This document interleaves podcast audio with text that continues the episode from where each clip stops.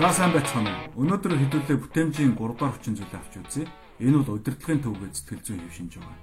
Тэгэхээр та бидний хүүхдүүд бусад хүүхдүүдтэй харьцуулахад сэтгэн бодох хурд удаан, ой санамж тааруу байж болно.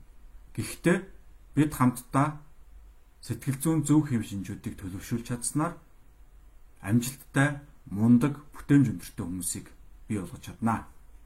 За ингээд хамтдаа сонирхож үзье.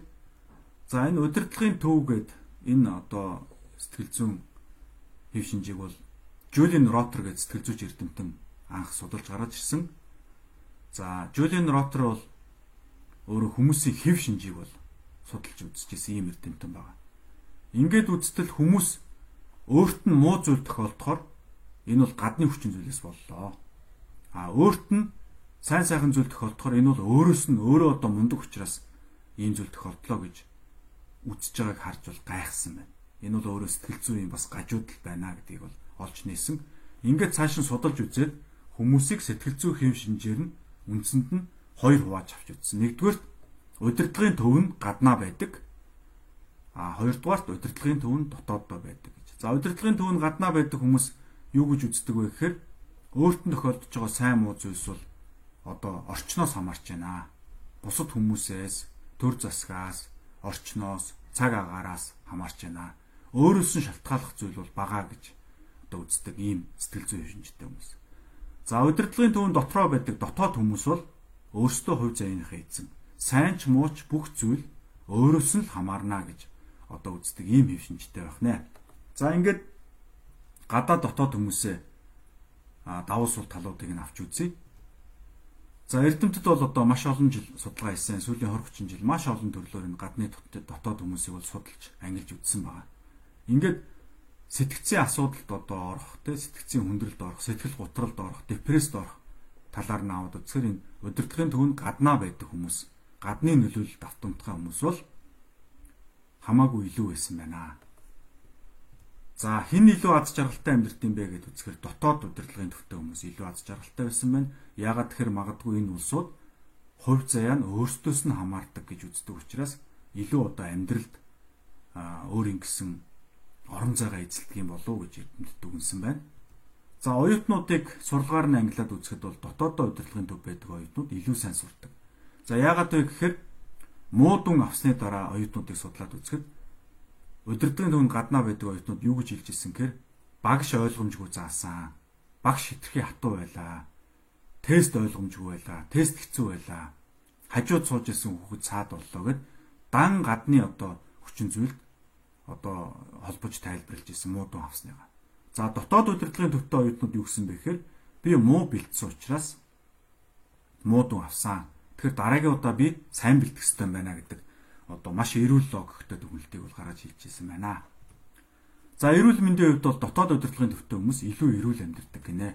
Ягаад тэгэхээр одоо чинь тархалтаар жишээ аваад үзэхэд дотоод удирдлагын төвтэй хүмүүс бол энэ тархалт бол би өөрөө эрүүл мэндэд анхаарал хандуулаагүйс болсон болж байна. Тэгэхээр би өөрөө хичээгээд энэ энээс одоо гарч чаднаа гэж үзчихсэн байна. А гадны удирдлагын төвтэй хүмүүс бол одоо хоол унданд ч юм уу одоо өөрөөс нь ер нь одоо тэр тарган байгаа нь өөрт нь хамаагүй л ийм тайлбарууд хийгээд одоо турах арга хэмжээ авч чаддаг байх нэ. За мөн хүнд өвчин туссан хүмүүсийг судлаад үзэхэд дотоод удирдлагын төвтэй хүмүүс бол амьдралыг харах а одоо тэр байдал бол хамаагүй өөдрөг байсан байна. Яагаад тэгэхээр дотоод удирдлагын төвтэй хүмүүс тэр хүнд өвчнөтэйгөө тэмцэж чадна.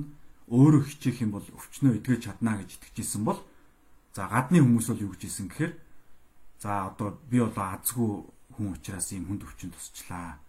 За одоо өвчин бол одоо ингээд намайг одоо авч явах нэ.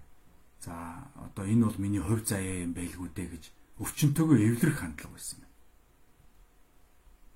За гол аюул бол юу вэ гэхээр удирдлагын түн гаднаа байдаг хүмүүс алдаа гаргасан ч тэрийг хүлээн зөвшөөрөхгүй. Ягаад тэгэхээр өөрөөс нь болоог учраас. За ингээд хамгийн аюултай юм юу гэхээр алдаанаасаа суралцаж чадахгүй болж байгаа. Тэр хүн гэдэг амьтан бол одоо мундаг бай, чадaltaй бай гэвэл яах ёстой? Алдаанаас суралцах ёстой. Алдаа гаргадгүй хүн гэж байхгүй. Гагцхүү алдаагаа хүлээн зөвшөөрдөг хүн цөөхөн байдаг. Алдаанаасаа суралцаж чаддаг хүн бүр цөөхөн байдаг. А гагцхүү алдаанаас суралцсан бол мундаг хүн болдог, амжилттай хүн болдог, баян хүн болдог. Тэгэхээр удирдлагын төвөнд гаднаа одоо ийм хүүхдүүдийг та бэлдэх юм бол ямар хүн бэлдэж байгаа вэ гэдэг нь маш ойлгомжтой болж байна гэсэн. Энэ бол маш чухал юм сэтгэл зүйн хэв шинж. Хэдүүлээ өнөөдөр маш гоё юм чухал зүйлийг ойлголоо гэж би бодож байна. За би өөр дөрөө жишээ аваад үзэхэд бол мэдээж аливаа сэтгэл зүйч хүний хувьд би өөрийнхөө сэтгэл зүйг бас байн гарч анзаарч судалж идэг. Би бол хэзээ ч азанд итгэдэггүй. Азанд итгэж байгаагүй. Ерөөсөө хар багасаа л за би бол өөрийгөө азгүй юм байна л гэж бодсон. Тэгэхээр азанд итгэхгүй байхын нэг давуу тал юу гэхээр би өөртөө илүү одоо шаардлага тавьж хичээж эхэлж байгаа. Одоо сургуульд тест өглөөхөд азар онц авдаг хүмүүс байдаг шүү дээ. А миний хувьд бол угаасаа аз байхгүй учраас яг бэлдэх ёстой л болж байгаа. За дээрэс нь одоо ингээд захирал хийгээд хүмүүсийн хувь заяаг одоо хүмүүсийн хувь заяа над даатгаад би тэрийг нь аваад лидер болоод ингээ явхад бол лидер нь азанд итгэж ивэл яах вэ гэдэг асуудал гарч ирж байгаа. Тэгээд дэх нэг бас нэг хөгжилтэй юм болсон. Монголын нэгэн том улс төрч нэг ламын өмнө очиод мөргөөд сууж байгаа юм зураг явж исэн. Тэгээд би юу гэж хэлсэн бэ гэхээр ард түмэн танд хувь заяагаа итгээд даатгажээ. Гэтэл та өөрийнхөө хувь заяаг ламд итгэж даатгаж байгаа ч одоо хэр логиктэй юм бэ гэдэг ийм асуудлыг ярьж байна. Тэгэхээр одоо ийм л юм болоод байгаа юм. Дотоод удирдлагын төвтэй хүмүүс бол яах нь лидер болж чадах нэ. Ягаад тэгэхээр энэ хүмүүс хүн өөрсөн дээр бүх хариуцлагыг нааж. А гадны удирдлагын төвтэй хүнийг захирлаар менежерээр лидерээр улс төрчөөр одоо юу гэдгийг дараагаар тавилаа.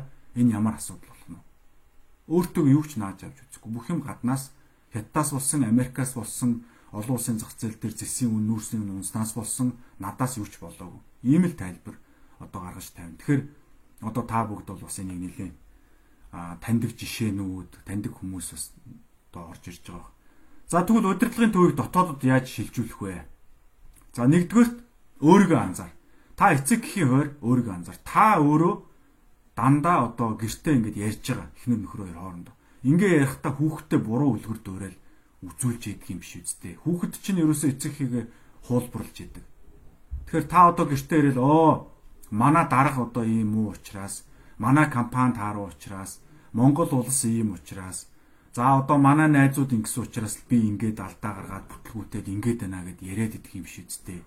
За ингэж байгаа бол энийг нэгдүгээрт зогсоох ёстой.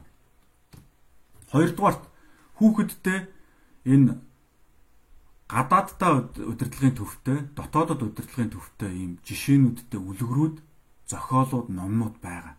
Энийг олоод сайн уншуулах хэрэгтэй, уншиж өгөх хэрэгтэй, ярьж өгөх хэрэгтэй. Хамгийн гол нь ингэж зогсохгүй өөрөөр нь бодуулж дүгнэлт хийх хэрэгтэй. Тэгэхээр номыг бол нэг удаа уншихгүй. Номыг бол нэг сарын турш уншина. Уншиж дуусаад дүгнээд хоорондоо ярилцаа, дахин дахин давтаж асуух.